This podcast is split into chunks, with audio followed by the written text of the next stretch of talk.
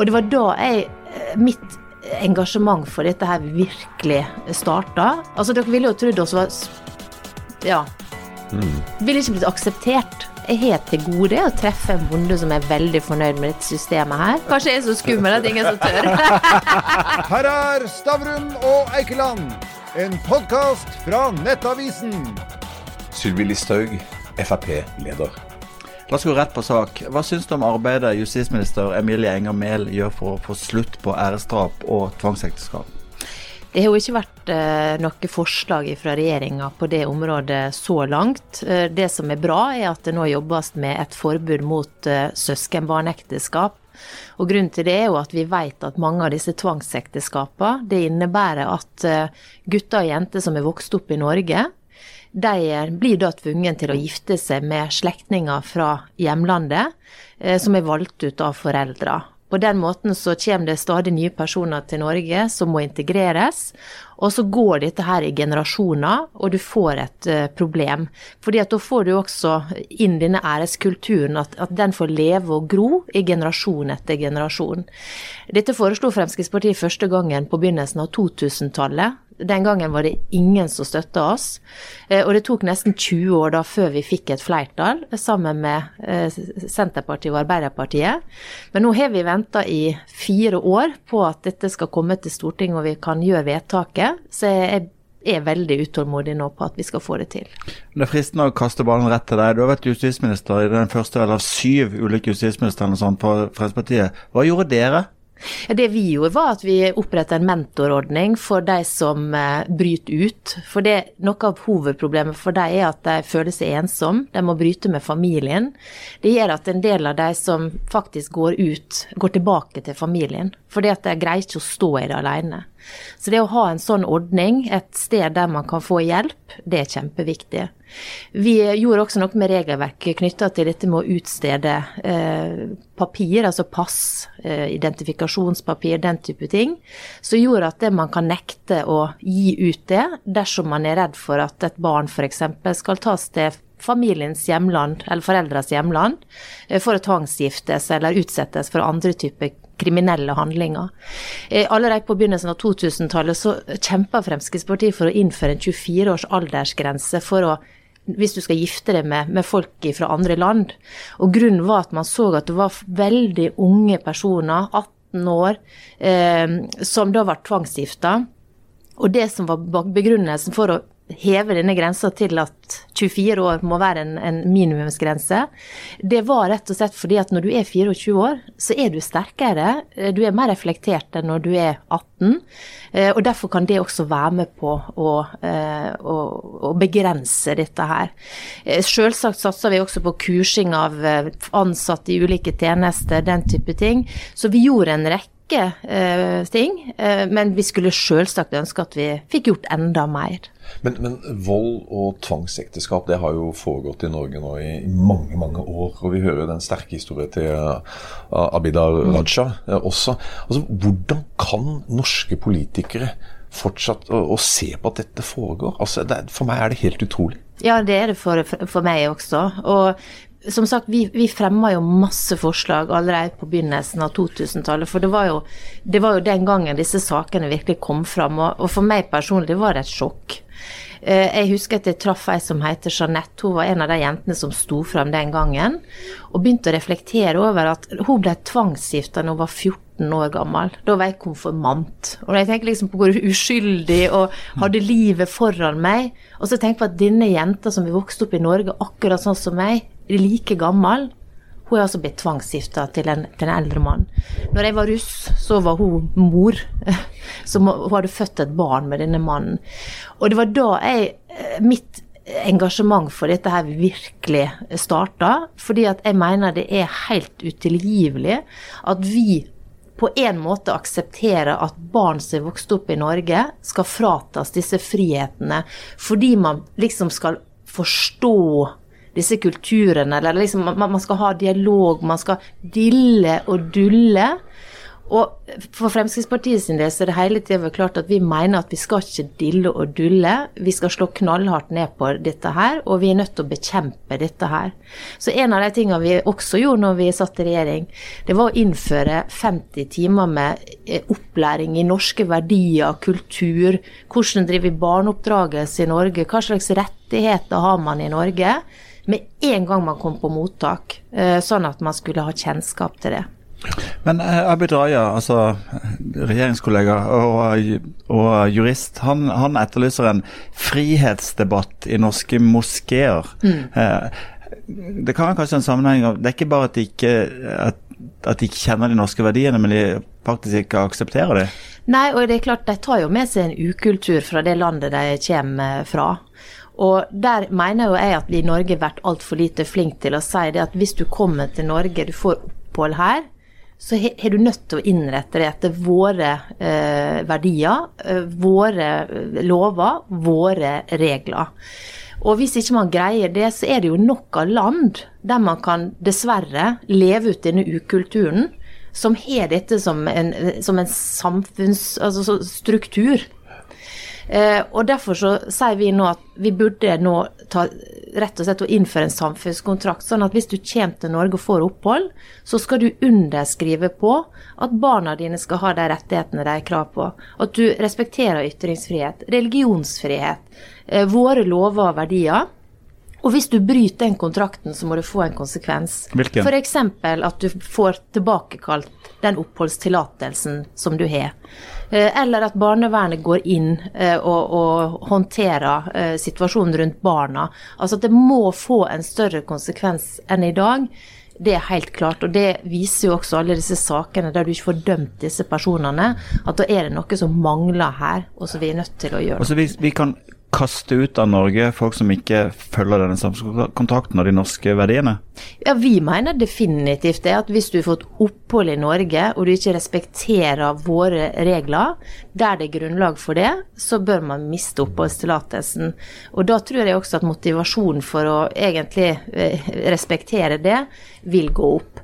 Og så tror jeg at en del av grunnen til at vi er her vi er, er at for mange har for lenge vært redd for å snakke om elefanten i rommet. Og det så vi jo i går i debatten.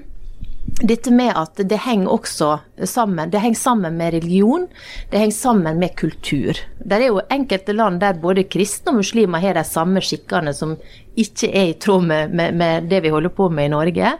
Men vi må på en måte nå kreve at det tas et oppgjør, som også Anders Magnus var inne på, i de muslimske miljøene, der det faktisk eh, erkjennes at i Norge så skal man ha de samme rettighetene uansett hvem man er.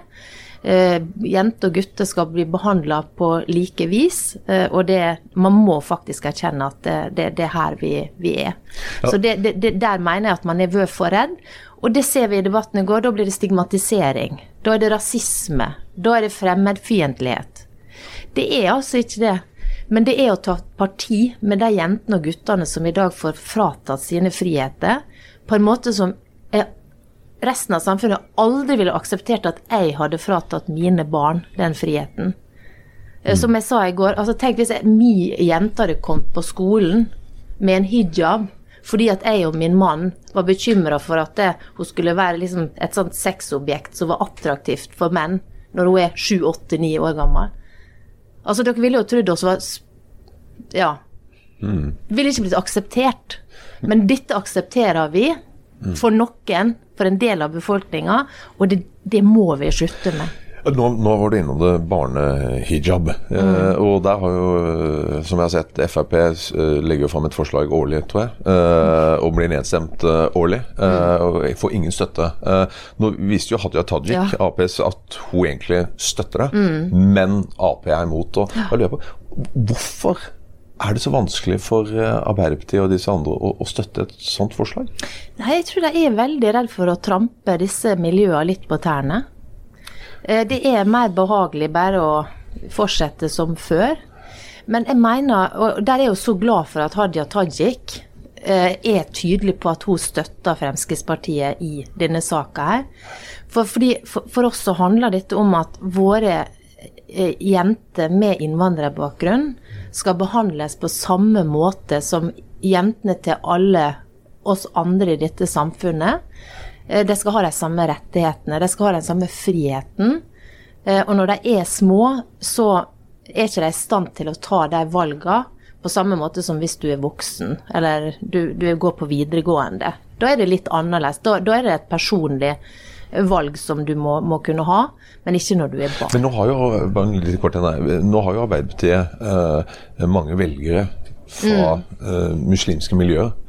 Tror du det har en, har en sammenheng der? At uh, Går de imot det, så plutselig er de ned på 10 Altså det, det, det, må de nesten svare på, på sjøl, men jeg tenker at det som er riktig, det å gjøre det som er moralsk riktig.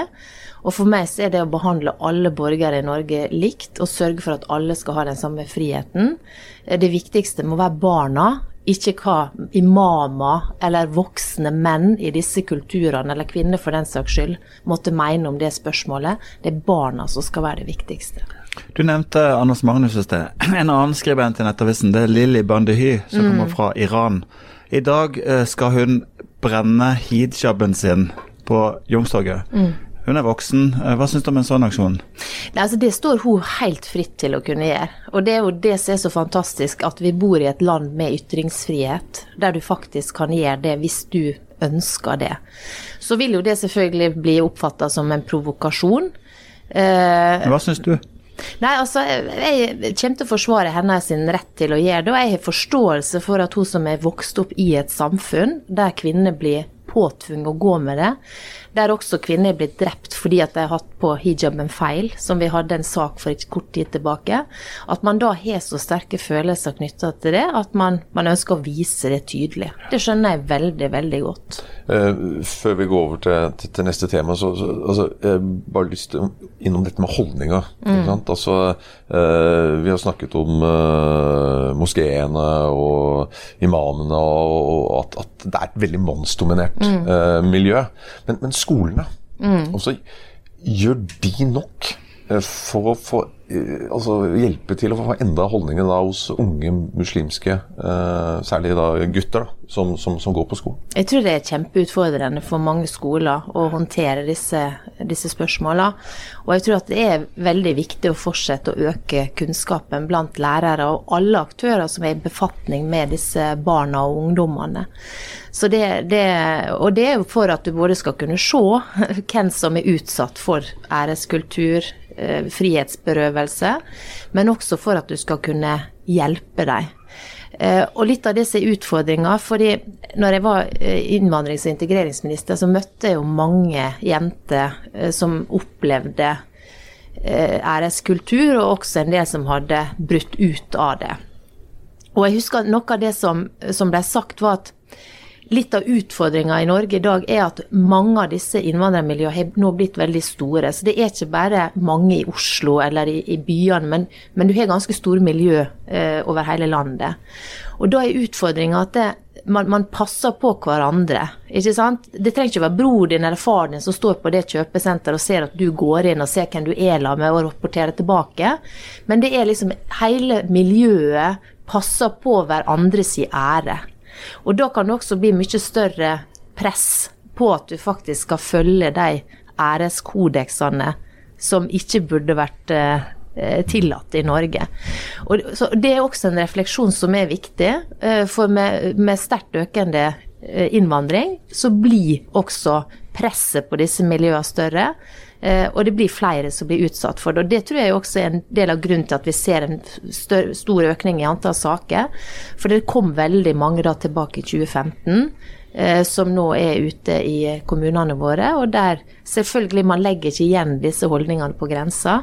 Tvert imot så er det dessverre altfor mange som lever videre i den kulturen man kommer fra. La oss, la oss snakke litt om den kulturen vi lever i selv. Ja. Eh, og da tenker jeg på to ting. Altså, jeg tenker på metoo i Norge. Altså. Nettavisen og mange aviser og media kartla hverdags-metoo i Norge. Altså Hvordan folk som jobber på snekkbarer og mm. i barer og sånn, blir utsatt for trakassering. Kvinner, da. Og Partiet ditt har jo også hatt uh, sin dose. Men en ny undersøkelse viser jo at, at, eh, én av fem kvinner på jobb trakasseres. Og vi har skrevet om en som heter Anette. Har vi ikke litt holdningsproblemer eh, selv? Og hva kan vi gjøre for å stoppe det? Altså, ja, absolutt at det der er utfordringer. Og det er også litt selvfølgelig forskjeller mellom ulike bransjer. Noen er veldig mannsdominert, alt det der. Men jeg tror at det aller viktigste er at det man eh, varsler fra når man opplever sånne hendelser. For da blir det mye vanskeligere å holde på med det. Eh, og Derfor så tror jeg det er det som er det aller viktigste. Og at det som arbeidsgiver at man tar det på alvor eh, og slår ned på det. Du, ditt, ditt yrke, har du opplevd trakassering? Nei, altså jeg, jeg føler jeg, Altså jeg kan ikke huske noen episoder der jeg føler liksom at jeg blir trakassert. Du er Frp-er, du har vært på landsmøte, landsstyremøte, hallo! Ja, men kanskje jeg er så skummel at ingen så tør. det var ja. Og vi kan snakke om noen som ikke liker det så godt, nemlig landbruket. Nå har vi en situasjon hvor da vi har liksom eggmangel, vi har melkemangel og vi har potetmangel. Er det synd på bøndene? Altså Det som er synd, det er at vi ser det at mange bønder nå eh, teller på knappene rett og slett for om de eh, kan fortsette. Fordi at vi har en situasjon der eh, vi kaster mer og mer penger inn i et system som ikke fungerer, uten at det kommer bøndene egentlig til gode. Og det er klart Når du har et system der du som bonde er en del av markedet på utgiftssida, og du er en del av et politisk styrt regime på inntektssida, så kan ikke det gå i hop. Spesielt i tider når det er inflasjon. Mm. Og Det er jo det vi nå ser, og det er derfor det er så mange bønder som, som nå er bekymra for, for framtida. Eh, for Fremskrittspartiet så er det helt eh, Altså vi mener det er viktig med matberedskap, at vi har produksjon i Norge. Jeg tror at norske forbrukere ønsker norske jordbruksprodukt. Jeg tror også at de godt kunne tenkt seg litt mer utvalg, sånn at det hadde ikke gjort noe om vi slapp litt opp for eh, import også. Eh, og jeg tror at norske bønder skulle være enda litt mer framoverlent og ha trua på de produktene de har, med tanke på eksport. Bare lam, da. Tenk deg da et lam som går opp i heia opp i Lofoten. altså Bare liksom den markedsføringsmuligheten så det er, mm. kontra et lam som går eh, på en eller annen slette og spiser kraftfôr nede i Europa. Altså Det er, det er noen muligheter her som jeg mener at man ikke er flink nok til å utnytte. Men forklar, forklar, meg dette. altså Du har jo vært landbruksminister. Men altså vi, hvis du tar både summen av norske jordbrukssubsidier og den såkalte altså, tollmuren mot utlandet, så snakker vi om minimum 30 milliarder kroner i året til, til en gruppe bønder som er underkant av 40 000 bønder. Det betyr at de har nesten 1 million kroner hver i subsidier og skjerming. skjerming. Hvorfor i all verden er det likevel sånn at de ikke har penger og klager sin nød? Nei, altså Det er jo veldig store investeringer som må til i eh, landbruket eh, hvis du skal eh, fornye driftsapparatet f.eks. Og så er det klart at på inntektssida, når du da er styrt av eh, egentlig politikere, så er det jo prisgitt. Er det, hvordan er målprisen på det eller det i år? Og det er det å altså Jeg har fått tilbakemelding fra bønder som har Nå bygger jeg et fjøs for melkeproduksjon. Men så plutselig neste år så er tilskuddsordningene lagt om, sånn at det lønner seg mer å ha ammekyproduksjon. Sånn at dette systemet styres nesten mer av politikere enn hva bøndene sjøl ønsker å, å, drive med. Det er satt på spissen. Eh, og så det andre som jeg vil si, at når også politikerne nesten sin fremste oppgave, i hvert fall når Senterpartiet styrer, virker å være at du skal dempe folk fra å produsere mer. Altså, man, man setter ned taket på hvor mye melk du kan produsere, f.eks. Da er, ja, da er jo det det motsatte av det som skjer ellers i all mulig annet næringsliv og selvstendig næringsdrivende. Du sier jo ikke til Ekornes at dere får ikke produsere mer enn så og så mange sofaer. Men det er jo det du gjør for en bonde, at du får ikke produsere mer enn så og så mye melk. Men, men jeg, jeg, tror det er noen sånn, sånn 200 forskjellige tilskuddsordninger. og Du har vel sagt at, nå nylig at, at, nå må vi bare gi opp dette systemet og mm. begynne fra null igjen, for ja. vi har mista helt grepet. Ja, altså det er ca. 100, okay, 100. ordninger. Men jeg mener at vi burde satt oss ned med blanke ark og tegnestifter, for å si det sånn, og laga dette systemet på nytt. Eh, for å få til et system som gjør at det er bærekraftig landbruk framover. At vi greier selvfølgelig å ha landbruk i hele landet. og Det handler om å, at det er grønt og fint å ta vare på kulturlandskapet. Men det må gjøres på en, en mer rasjonell måte enn det som skjer i dag. Men likevel, de får veldig mye støtte. Var det én million vi snakka om per Snaut en million per person. Ja, ikke sant? Så, så, og jeg tror ikke de bevisst jobber mot å ikke tjene penger. Så, så, og, og jeg, det er også et tegn på at det er vanskelig å tjene penger mm. på å være bonde i Norge. Og hvis disse tider nå med vanvittig mye uro i verden, så, så er det jo fokus på å bli selvforsynte enda mer. Mm. Er det ikke da utopi å tro at hvis vi bare fjerner disse ordningene, fjerner importvernet, og så bare kjører på at vi skal ha et vanvittig landbruk i Norge og mm. kunne eksportere, er ikke det utopi? Ja, altså At vi skal fjerne alle tilskuddsordninger, mm. det kan ikke vi. Altså Da er jeg enig med deg, at da ville ikke det vært mye landbruk igjen. Men, eh, så det må være tilskuddsordninger også i Norge. Men nå er vi altså det landet i OECD som eh, gir mest tilskudd av samtlige land. Eh, og vi er i en situasjon der bøndene likevel er svært misfornøyd. Eh, der vi nå er det mangel på potet, i hvert fall så kan det bli det. Det er mangel på egg, det er mangel på melk. Eh, som jeg sa i 2011, når Senterpartiet styrte, var det smørkrise. Så vi må jo på en måte ta inn over oss at dette er et system som ikke fungerer. Og da bruker det vanligvis å være sånn at man ønsker å gjøre noe med det. Men her tviholder man på et system som har vært i mange tiår der ingen er fornøyd.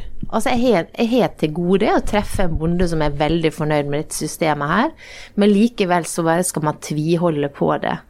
Eh, så jeg, jeg, tror at det må endres. Eh, man må begynne på nytt. Man må gjøre det enklere. Man må sørge for at bøndene kan tjene mer penger, at de kan få mer frihet til å produsere.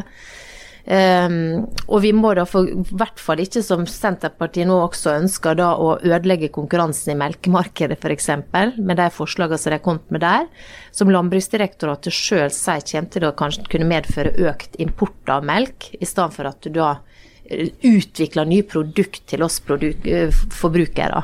For det ser vi jo at kumeierier uh, har vært veldig bra for, som en konkurrent til Tine. Det er kommet nye produkter på markedet, utvikla nye løsninger, som også har gjort at Tine måtte skjerpe seg. Ok, Jeg vil ha et annet, et annet perspektiv på dette. Så det er Land som har prøvd å bli selvforsynte. Ta Nord-Korea. Ja. Vi skal lage all maten selv.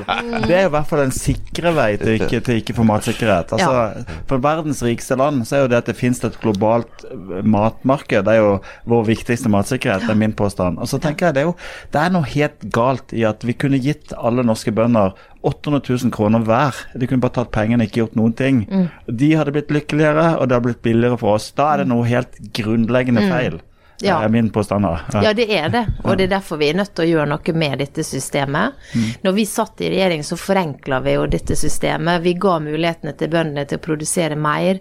Vi ga dem muligheten til å utvikle gårdsdrifta si, eh, til å kunne bestemme mer sjøl. Og det er jo det vi ser nå at Senterpartiet eh, sakte, men sikkert gjør om på. Eh, og så stimulerer man egentlig ikke til produksjon på den måten som vi gjorde. Men også Kristelig Folkeparti og SV overbyr jo på ja. dette feltet. og tenker sånn, eh, Nå hører vi i Frankrike, der, der blokkerer de Paris, og det er mm. traktorer. Mm. Altså, hvis alle land skal kapp, ha sånn subsidiekappløp, hvor alle land skal støtte bøndene mer og mer, mm. Eh, det blir jo bare et spill som alle taper på. Ja, det, og det er jo sånn i dag at jevnt over så er det jo en del subsidier i, i landbruket. Men jeg tror nok det, det som skjer i Europa, er jo også en sterk bekymring for klimapolitikken, som kan få ganske store konsekvenser for matproduksjonen. Og det er liksom, Vi må jo ikke la det gå helt galt av sted. Altså, Der er jo vært en bekymring eh, også i USA for at den landbrukspolitikken, denne from, from farm to fork, som, som EU eh, har utarbeida, at det betyr mindre produksjon i Europa. At man gjør seg enda mer avhengig av å importere. Eh, at man ikke greier å være selvforsynt. Det vil jo gå utover noen. Eh, så vi, vi, det, det, må ikke føres en politikk som, som, som, rett og slett bærer galt av sted, der klima blir viktigere enn alt mulig annet. Og det ser vi på mange områder at det, eh, rasjonaliteten har litt forlatt åstedet, og så er det symbolpolitikk og festtaler som overtar. Eh, og det er verken jordbruket eller, eller, klimapolitikken tjent med. Vi skal innom et lite tema der etterpå, men bare helt på, på tampen av dette. Importvernet. Vil dere rett og slett bare fjerne det? Hvis vi hadde fjerna det helt, så hadde vi nok hatt noen utfordringer. Så, eh, men at man må gjøre justeringer der som gjør at det er norske Hvor mye da? forbrukere Nei, det må man jo altså det må man selvfølgelig eh, Jeg kan ikke si liksom her og nå at vi vil gjøre så og så mye, så det må man jo gjøre en vurdering av. eh, Men det vil gjøre et betydelig innhugg i det? Altså, Altså, vi ønsker å gjøre endringer. Hvor store de vil være, må man jo justere etter eh, hva slags totalresultat man vil ha, om man kan si det sånn. Men som jeg sier, jeg tror også at vi må tenke ikke bare den, altså at, at Vi skal ikke ha så lite tro på oss sjøl at vi ikke tror at norske produkter kan være attraktive i utlandet. Og selv om lam, øh, norsk lam er, er nok er mye høyere i pris enn mye av det som finnes i Europa, så vet jo det at det finnes flere kjøpesterke forbrukere i Europa enn det finnes innbyggere i Norge. Men man må ha som utgangspunkt at man ønsker å utvide markedet, og ikke bare se på, eh, på de begrensningene som finnes. Du nevnte klima i sted. Um, det har vært litt sånn snøkaos uh, i Norge, og særlig her i Oslo. Uh, nå står det vel en, uh, noen busser og elbusser som uh, ja, 1 milliard kroner som bare står der. Hva, hva sier det der? Nei, det sier meg at det, det her er det, det er gått helt galt av sted.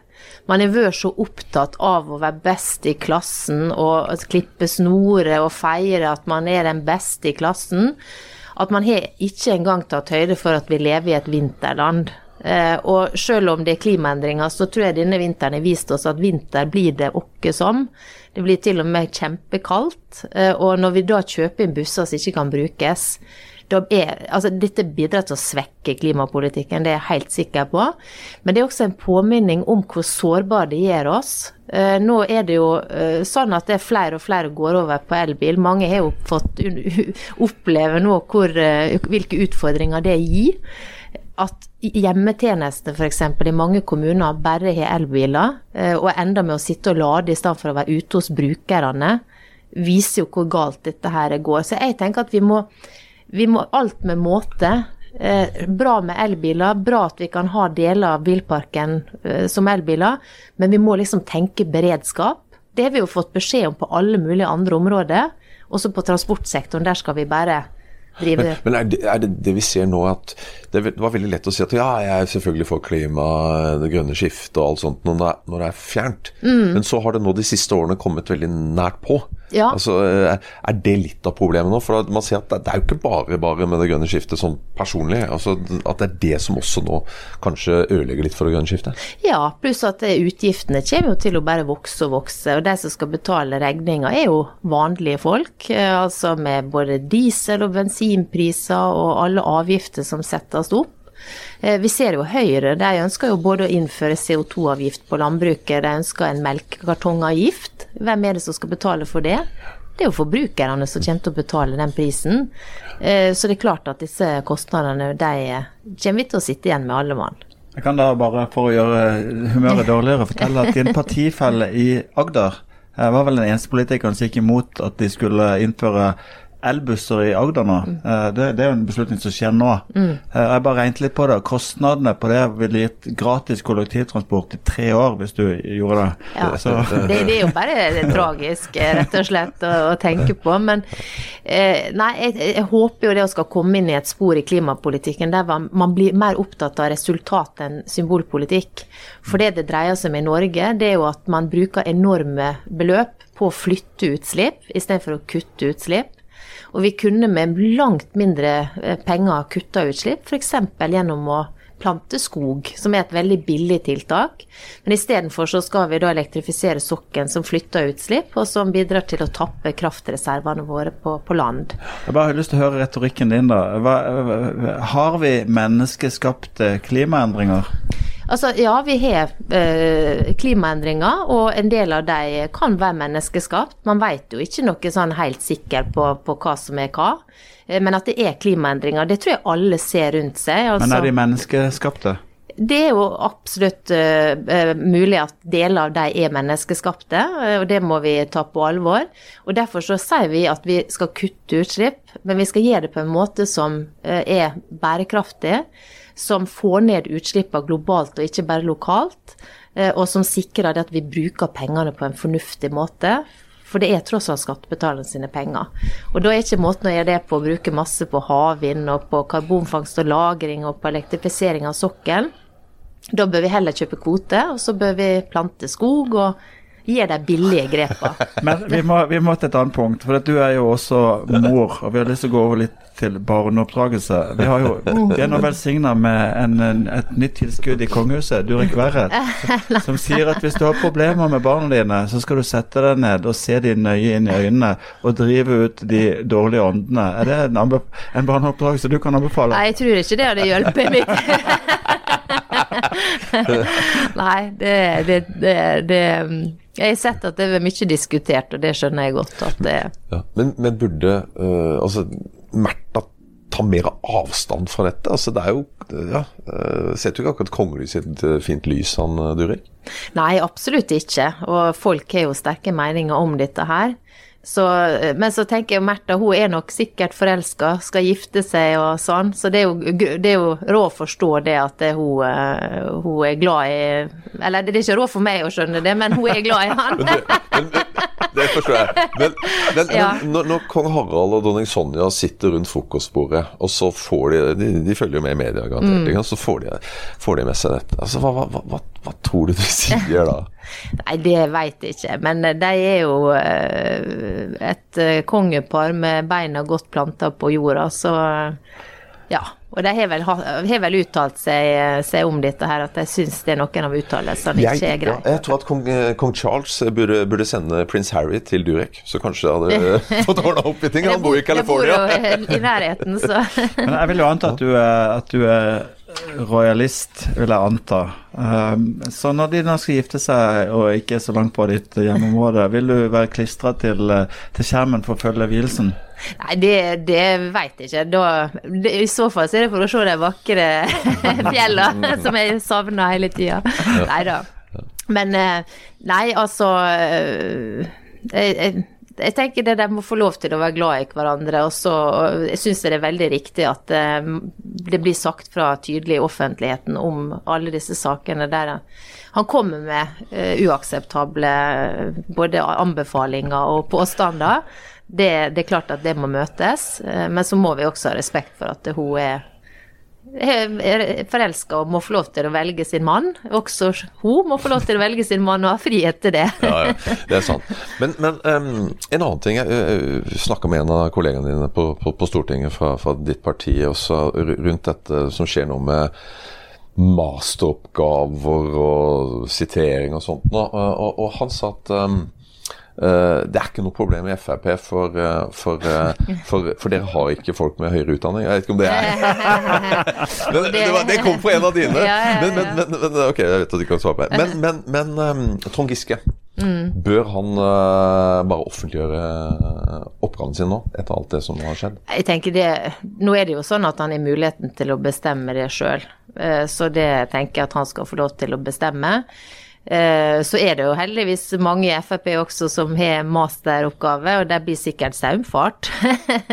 De som alle andre. Eh, eh, rundt omkring i landet så er det jo selvfølgelig det. For mitt vedkommende så var jo jeg ferdig å studere så tidlig at det, det var når det var disse vekttallssystemet. Eh, så jeg var ferdig med adjunktutdannelsen i år 2000. Så du slapp unna med Så jeg har blitt spurt om å få disse her oppgavene, men da må jeg dessverre si at det, det var i et annet system. Det men har Jonas uh, håndtert Kjerkol og den saken godt nok? Er det for lett for han å bare fraskrive seg ansvar og hive det over til eh, universitetet opp til nå? Jeg synes Det som er spesielt, er jo at de nå sitter med et svært stort ansvar. Der det nærmest er skapt et inntrykk av at de, de, de sitter med fasiten på hva som skal skje videre med henne. Og det er jo et eh, veldig stort ansvar å legge på et universitet. De kommer nok garantert til å bli eh, kritisert, enten de kommer ned på det ene eller det andre. og Sånn sett er de jo satt i en veldig vanskelig posisjon. La, la, oss snakke om en, om en annen på en måte selv, selvkronakonge, nemlig partilederen i Industri- og Næringspartiet. Og, og, det som skjer i det partiet Nå har vi fått enda et nytt industriparti. og det er jo, De, spises, de, de har jo spist seg litt inn på, på områdene til partier som måtte er for industribygging, og egentlig noen kjernevelgere også innen Fremskrittspartiet. Er det sånn at du nyter konflikten i, i MP? Nei, vet du hva. Jeg tenker at det viktigste det er at man konsentrerer seg om seg sjøl, og så fremmer de forslagene og sakene som vi er opptatt av. Vi har jo alltid vært opptatt av oljeindustrien, at de skal få gode rammevilkår. Og er opptatt av å fortsette med det.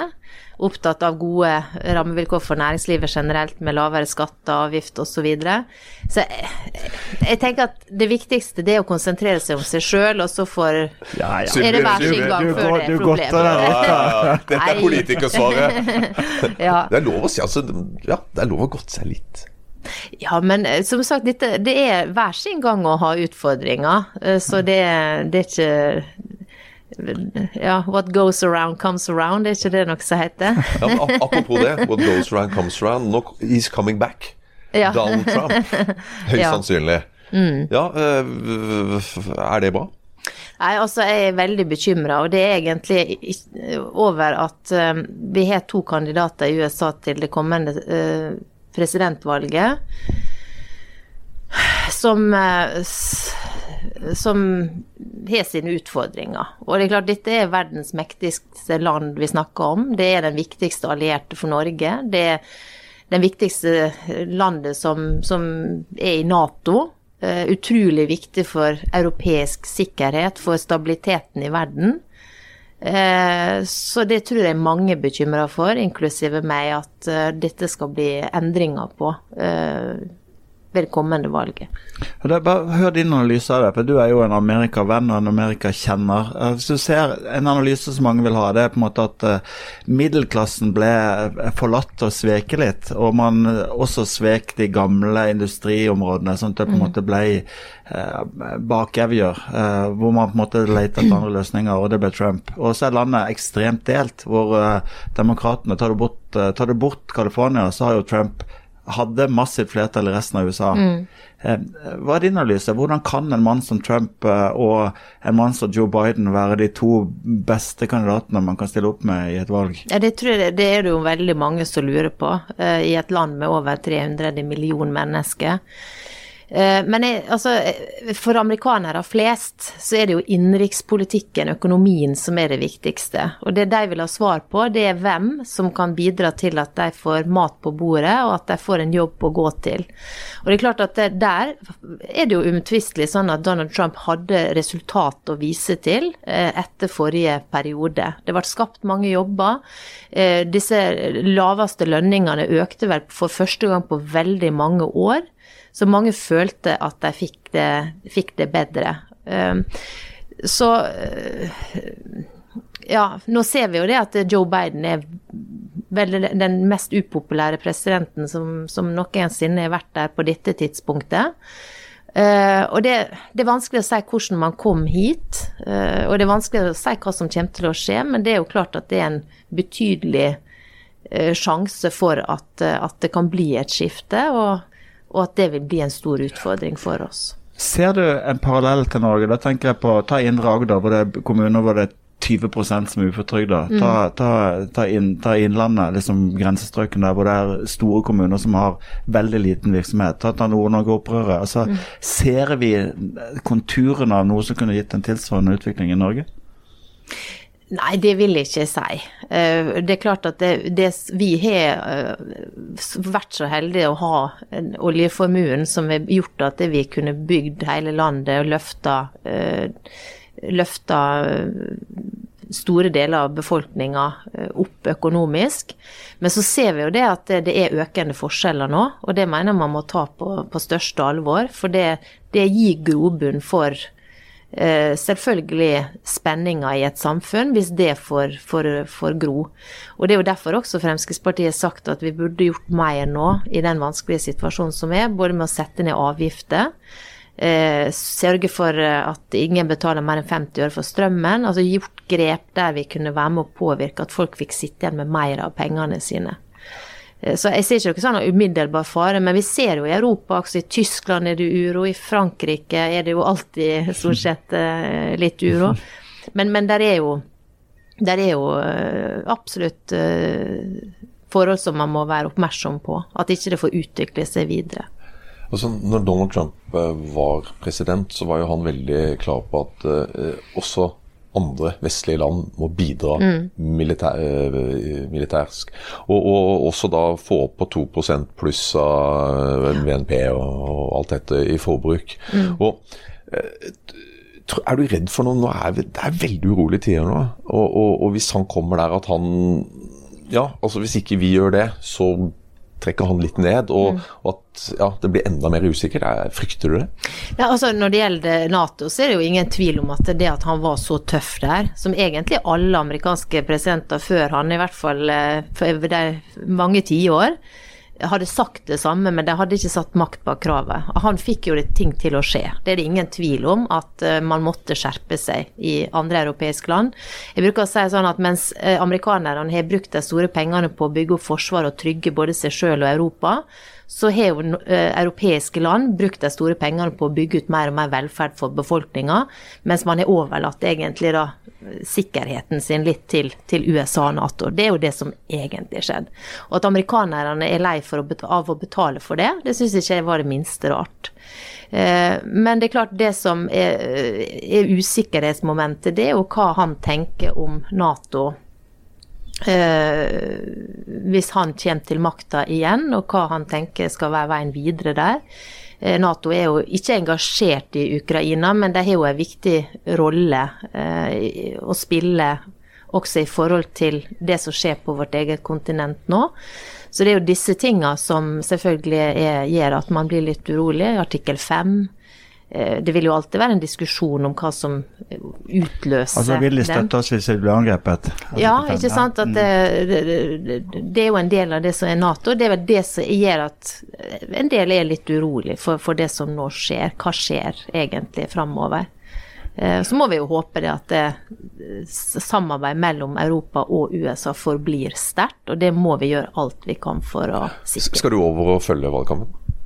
Nei, jeg skal over på, på ferie nå i påska, men eh, så vil jeg jo selvfølgelig følge med. Jeg har jo vært i Kongressen tidligere og, og, og egentlig sett amerikansk politikk på nært hold, og det var veldig interessant. Men du var der tidlig i januar i fjor? Nei, for noen år siden? nei, eh, nei jeg har ikke vært der da. vi, vi, må nærme oss eh, avslutning, men det er et veldig enkelt eh, spørsmål. Eh, du er i USA, du hadde hatt stemmerett hvis du hadde. Hadde du stemt på Joe Biden eller Donald Trump? Jeg hadde syntes det var forferdelig vanskelig å stemme. Eh, det Jeg syns synd på det, skulle jeg til å si. Men, eh, men, jeg tror nok det at eh, jeg ville stemt på Biden rett og slett fordi at da vet, altså I hvert fall når det gjelder USA, Europa, så er nok det et mye tryggere Altså, vi vet hvor vi har han, i større grad kanskje enn Trump. Du fikk Stavrum og Eikeland, en podkast fra Nettavisen.